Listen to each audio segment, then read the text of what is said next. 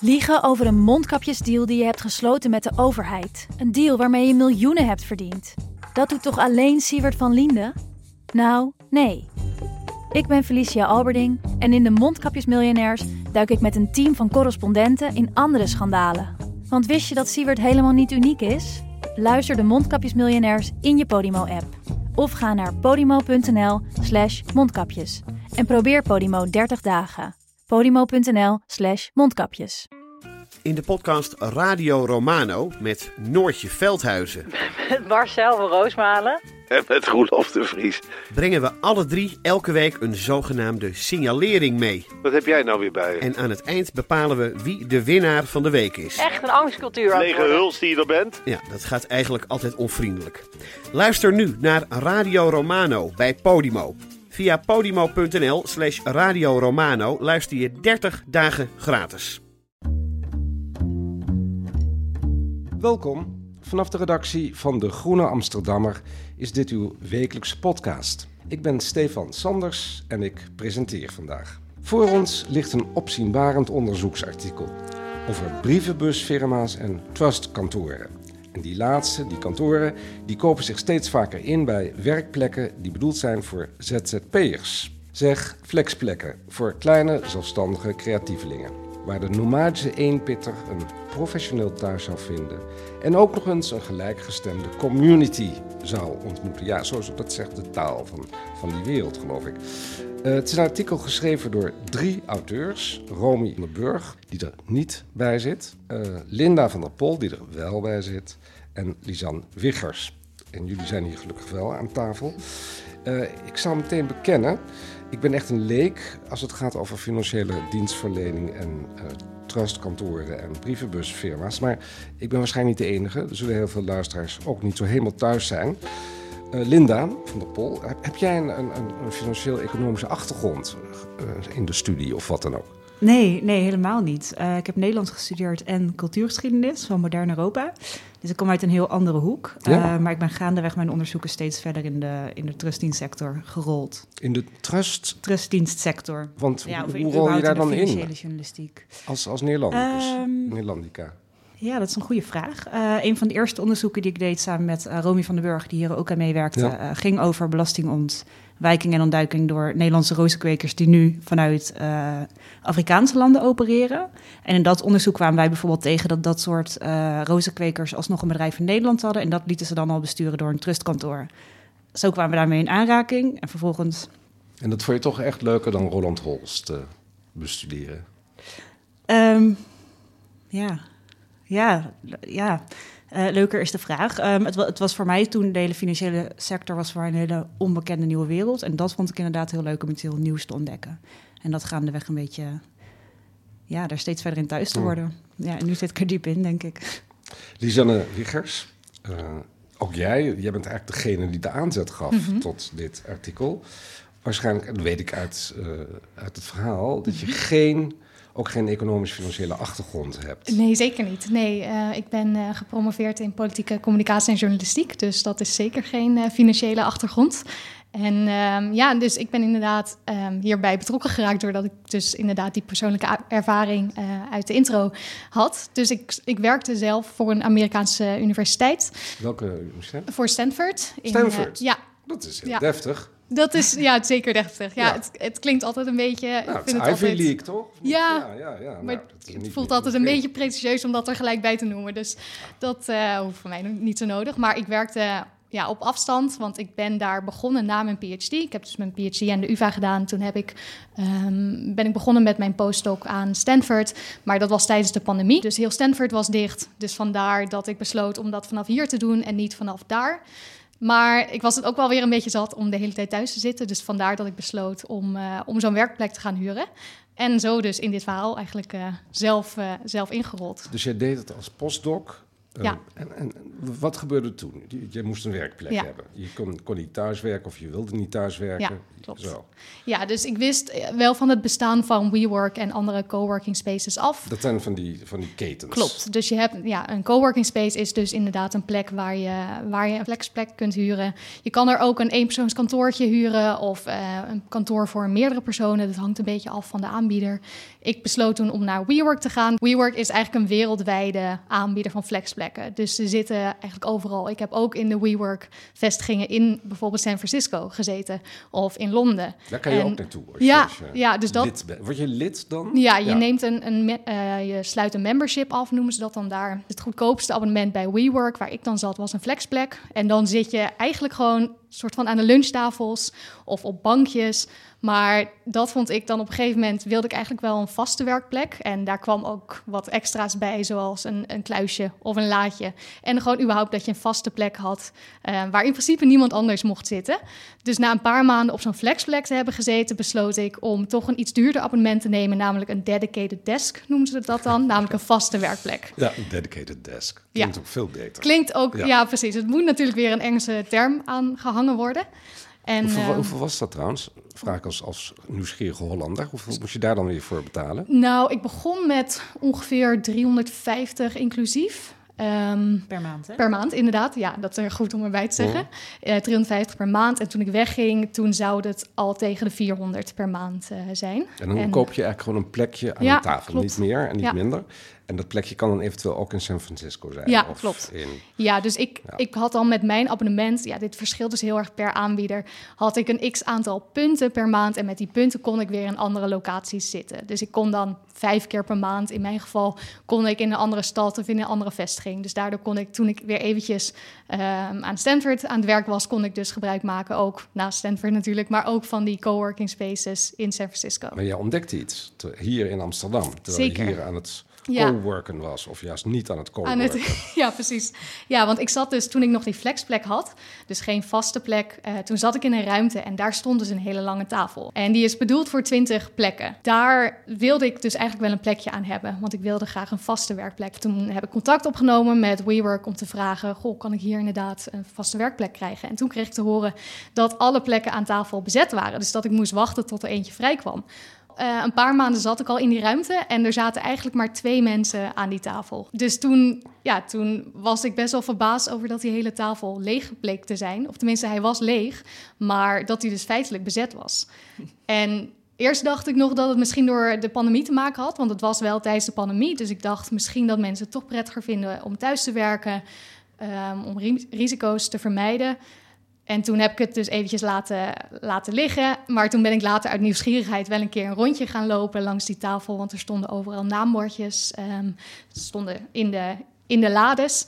Dus op die manier kon je wel zien wie er aan die tafel zou horen te En zitten. Wie, wie, wie hoorden daar dan te zitten? Nou, bijvoorbeeld, er zaten eh Canadezen bij, Amerikanen, Zwitsers. Dus die ben ik toen eventjes, ja, ik ben dus die namen gewoon maar even gaan LinkedInen.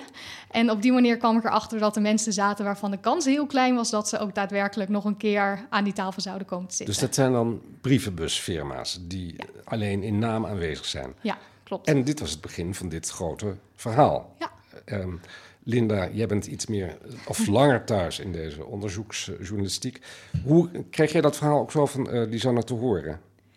Eigenlijk wel. Ja. Ehm, ja, Lisanne die, die kwam na een tussenstop bij De Groene kwam zij bij ons terecht, bij Ja. Investico. Eh, de Groene en Investico werken natuurlijk vaak samen.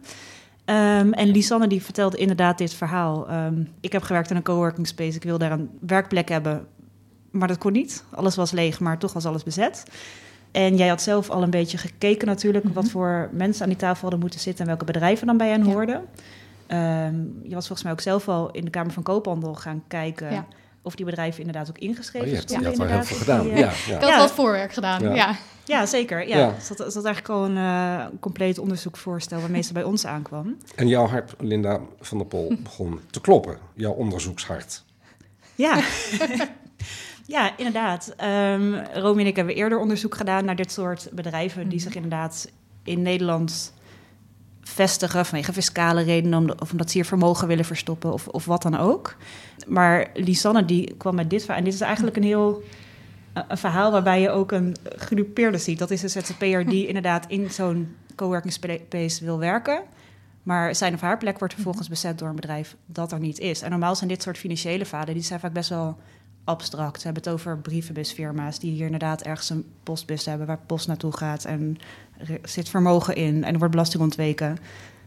Heel abstract. Um, en nou ja, Lisanne kwam inderdaad met iets heel, heel beeldends. Meteen. Dit is natuurlijk een, een fantastisch begin ook van zo'n verhaal. Mhm. Want nogmaals, ik ben niet heel erg thuis op dat gebied, maar ik lees het natuurlijk meteen. Het is ook een heel sterk beeld.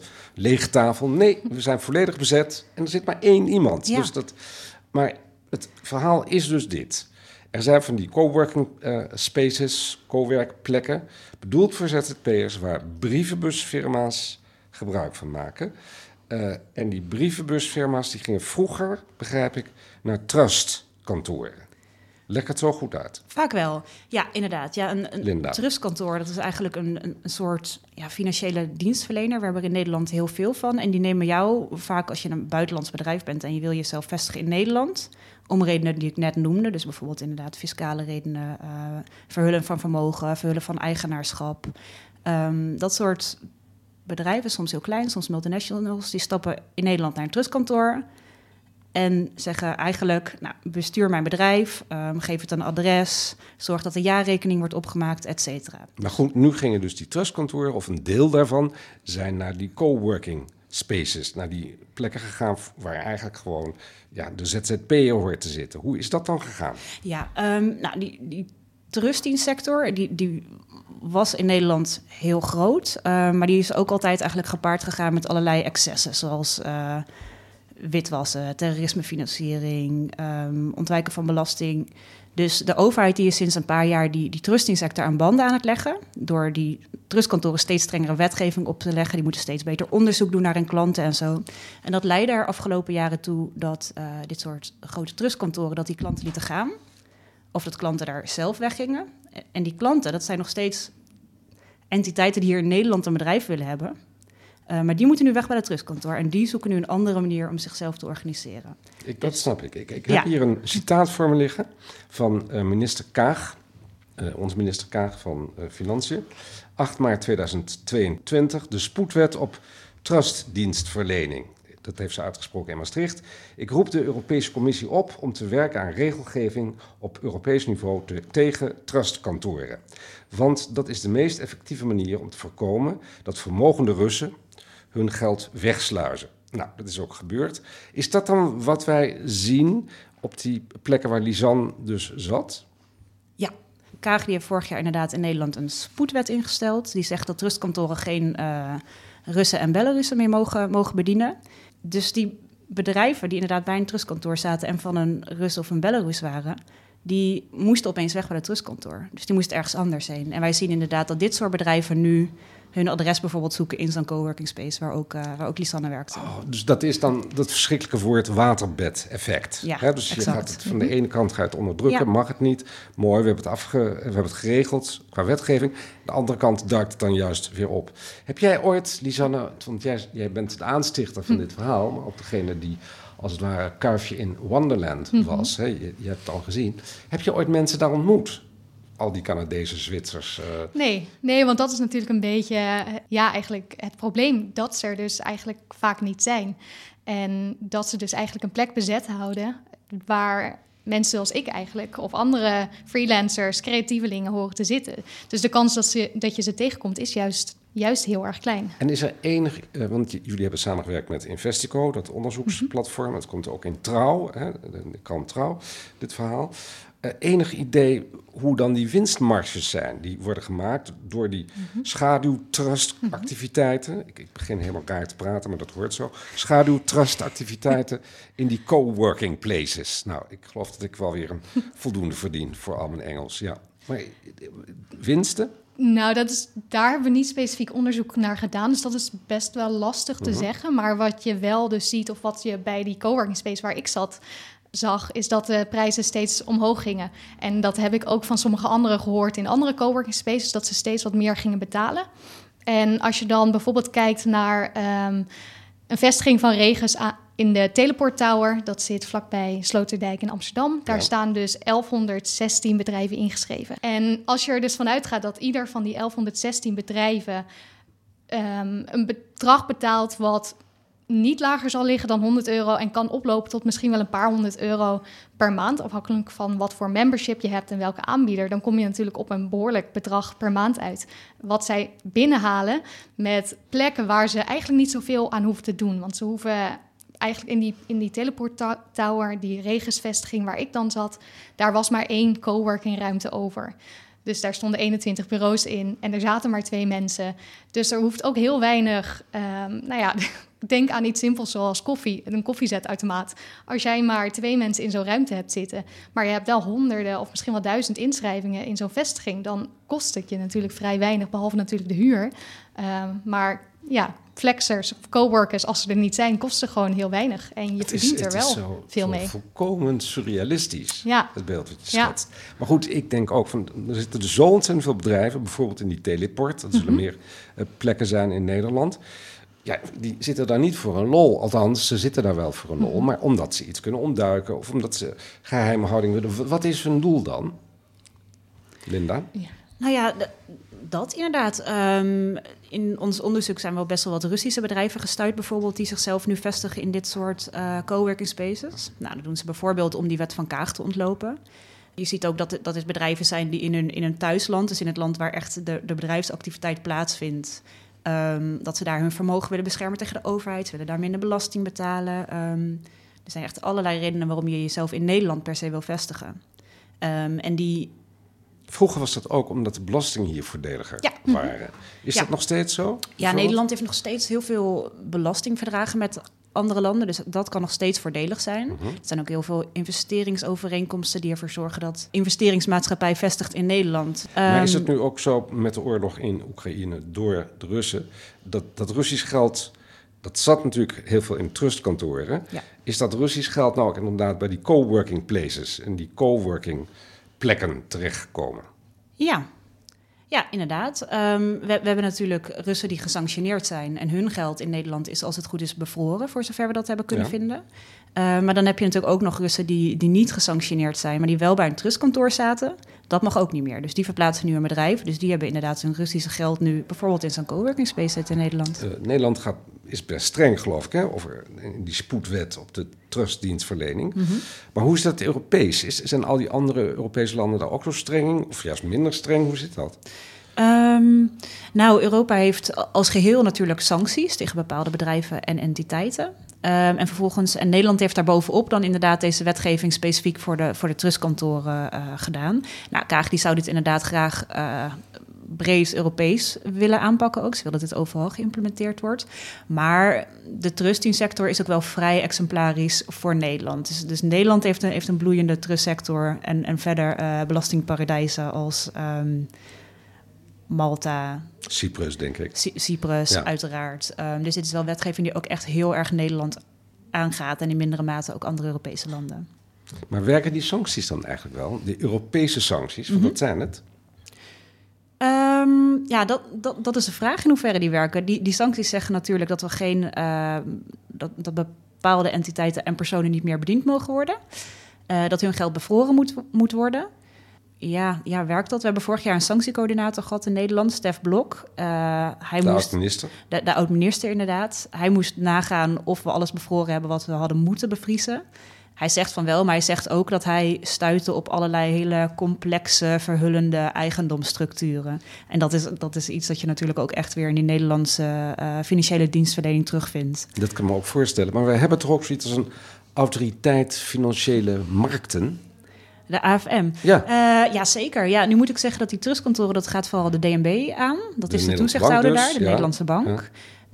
Dat, dat is interessant in het, in het licht van dit verhaal. De DNB die houdt toezicht op vergunde trustkantoren.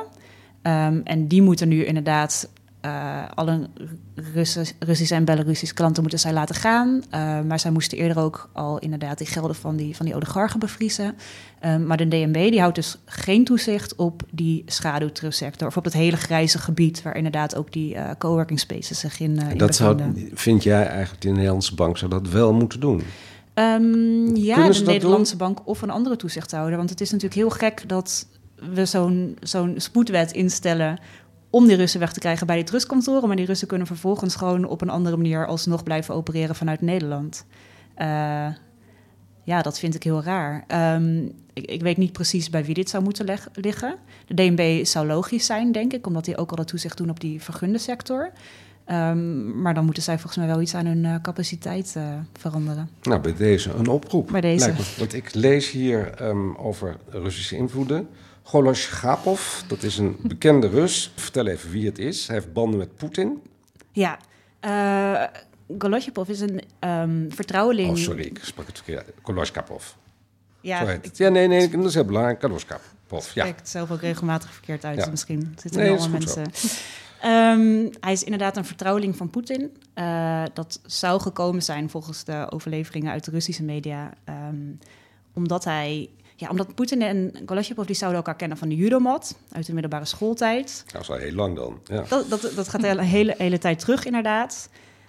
Um, die zou zelfs uh, Poetins rug gemasseerd hebben in, in Poetins KGB-tijd. Anyway. Het is een bromance, kortom. Exact, het is een bromance. Ja. Um, die staat heel dicht bij Poetin. Hij, is iemand die in Rusland lange tijd uh, hoge banen kon uitdelen. Die mensen gewoon een, een sweep omhoog kon, ge kon geven in, in, in, Russische staatsbedrijven. Maar hoe zit hij nou weer verweven dan in die... In, in Nederland? Ja in een businesscenter in Woerden staat een bedrijf ingeschreven, Denkraam Holding BV. Denkraam Holding BV staat op naam van Iraya Gemutinova. Dat is de, de vrouw van Kolashepov. Um, en zij bestuurt dit uh, bedrijf sinds een paar jaar. Er lopen geen sancties tegen deze Nee, er lopen geen, geen Europese sancties tegen hen. Um, en de Russische oppositiekrant Novaya Gazette die zegt dat dat komt omdat hij zo goed altijd zijn vermogen heeft weten te, te verhullen. En ook omdat hij de aandacht echt schuwt. In tegenstelling tot, tot andere nu gesanctioneerde uh, oligarchen en Poetins vertrouwelingen. Um, nou, dit echtpaar heeft dus ook in Nederland een bedrijf, Denkraam Holding. En dat heeft allerlei participaties gehad in bedrijven op, op Cyprus. Um, ze hebben allerlei appartementen aangekocht in, in Bulgarije, in een kuststad. Uh, nou, dit bedrijf dat, dat werd voorheen door trustkantoren bestuurd en staat nu inderdaad in een coworking space. En kun je daar iets aan doen? Is daar bedoel, legaal iets aan te doen? Of nee, laat ik het eerst zo vragen. Is het illegaal wat ze doen? Is het strafbaar voor de Nederlandse wet? Het is niet strafbaar. Oh, nee. Nou. Nee, maar, wat wij heel interessant vinden, um, is dat we zien dat die, die vergunde, die, die officiële trustingsector, die wordt steeds verder aan banden gelegd. Ja. Um, dus voor hen wordt het aantal de cliënten die zij kunnen aannemen wordt steeds beperkter, omdat zij steeds beter klantonderzoek moeten doen en zo. En dat maakt dat, dat dit soort um, Russen feitelijk naar een ondergrondse sector gaan. Maar die ondergrondse sector is tegelijkertijd ook, daar is gewoon bijna geen toezicht op. Is dat mogelijk te organiseren? Ik vraag het ook aan jou, mhm. Lisanne. Uh, want het is dus heel ingewikkeld. Ja. wat dat Russische echtpaar doet is niet per se illegaal. Het is mhm. misschien onbehoorlijk, mm maar er zijn zoveel dingen, het is niet illegaal. Hoe, hoe, moet je dat dan wel organiseren? Kijk, Kaag wil tegen die trustkantoren mhm. optreden. Wat moet je dan zeggen? Al die, al die coworking places moeten dicht, want misschien komt er wel een rust met heel veel geld zitten? Nou, dat lijkt me inderdaad niet helemaal wenselijk, omdat het ook bedoeld is wel vanuit, een, vanuit goede intenties. Namelijk inderdaad freelancers een plek bieden waar zij kunnen werken en anderen kunnen ontmoeten en um, elkaar kunnen stimuleren. Dus dat lijkt me inderdaad niet, uh, niet een goed plan. Maar dat is ook inderdaad wat Um, wat, wij, wat een belangrijke conclusie eigenlijk uit ons stuk is, namelijk dat het een heel erg grijs gebied is op het moment. Want je mag als coworking space mag je een adres verlenen. Wanneer je dat combineert met een adres verlenen een adres, betekent... ja, een adres verlenen waarmee jij je als bedrijf kunt inschrijven in het handelsregister. Um, dat dus dan sta je bij de Nederlandse Kamer van Koophandel. Ja, als bedrijf. Ja, klopt. Mhm. Dus ik stond bijvoorbeeld ook ingeschreven op die coworking space uh, in plaats van thuis. Wat een bijkomstig voordeel is als je freelancer bent, um, omdat je liever niet in het handelsregister staat met je eigen met je thuisadres. Dus dat is een prettig voordeel. Um, en daar maken dus veel bedrijven en freelancers gebruik van. Dus die schrijven zichzelf in.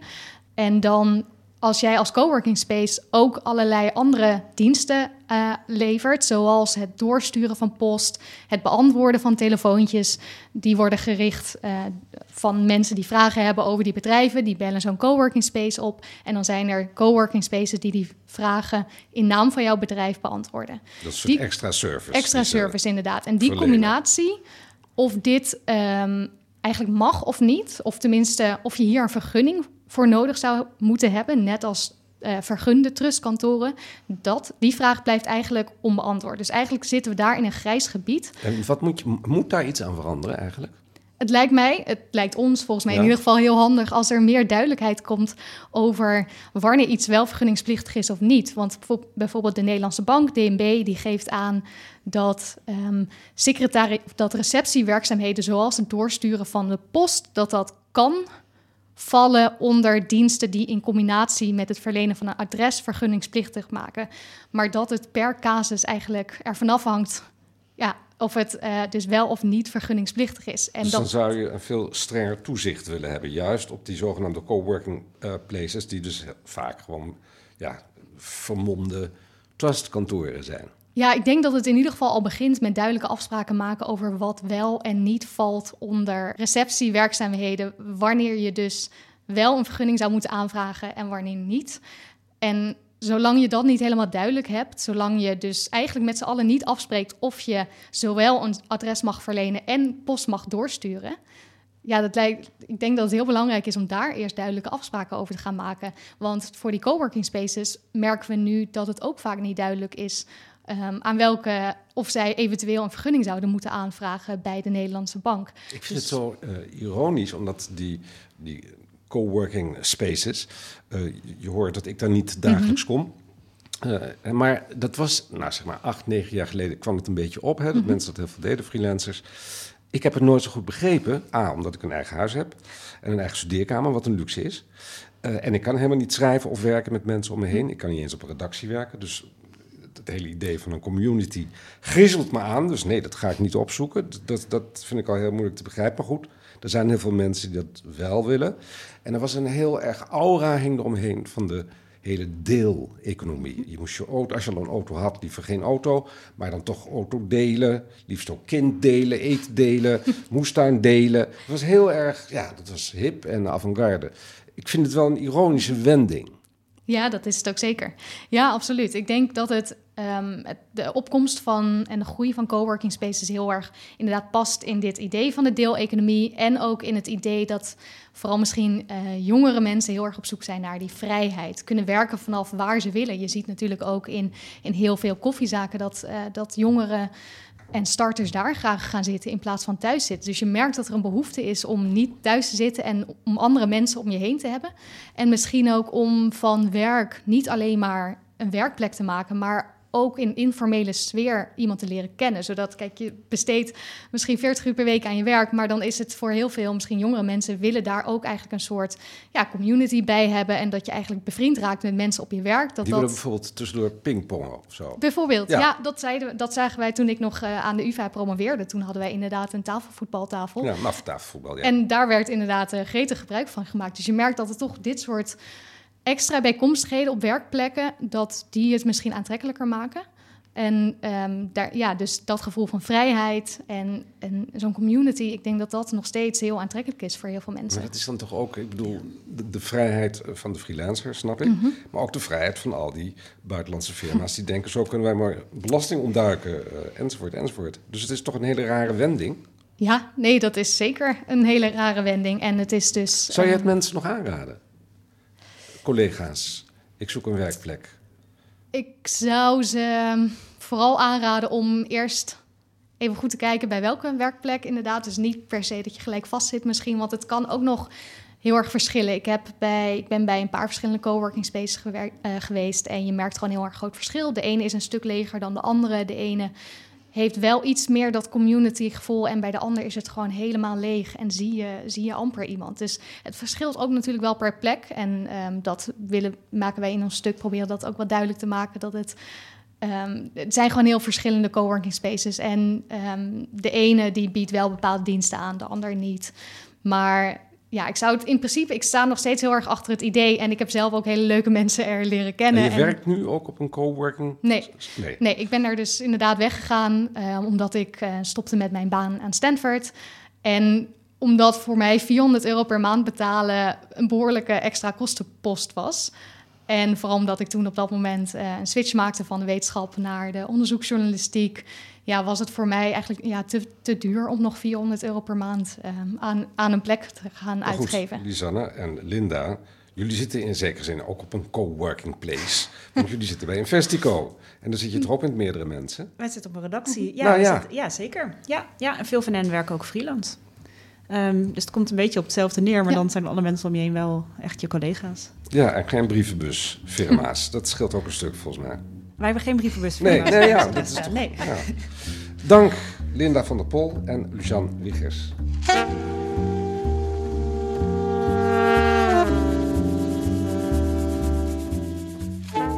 Verder in deze groene een coververhaal over de Nederlandse debatcentra. Hoe kunnen zij het redelijk gesprek organiseren in een gepolariseerde wereld? En een reportage van Minka Nijhuis uit de jungle in Myanmar. Hier bindt een nieuwe generatie guerrilla-strijders de strijd aan met de militaire dictatuur. Citaat: Ons kamp is opgezet door artsen, ingenieurs, acteurs en komieken, zegt leider Dewa. We begonnen met vrijwel niets, maar we hebben de steun van het volk. Dat alles kunt u lezen met een abonnement of een proefabonnement. Ga dan naar groene.nl. Volgende week zijn we er weer met analyses en achtergronden bij het nieuws. En deze week werd de podcast gemaakt door Giselle Mijnlief, Auke van Genen, Anna Stibbe en Stefan Sanders. En de eindtune die u nu hoort is A Tune for Anne van Paul van Kemenade.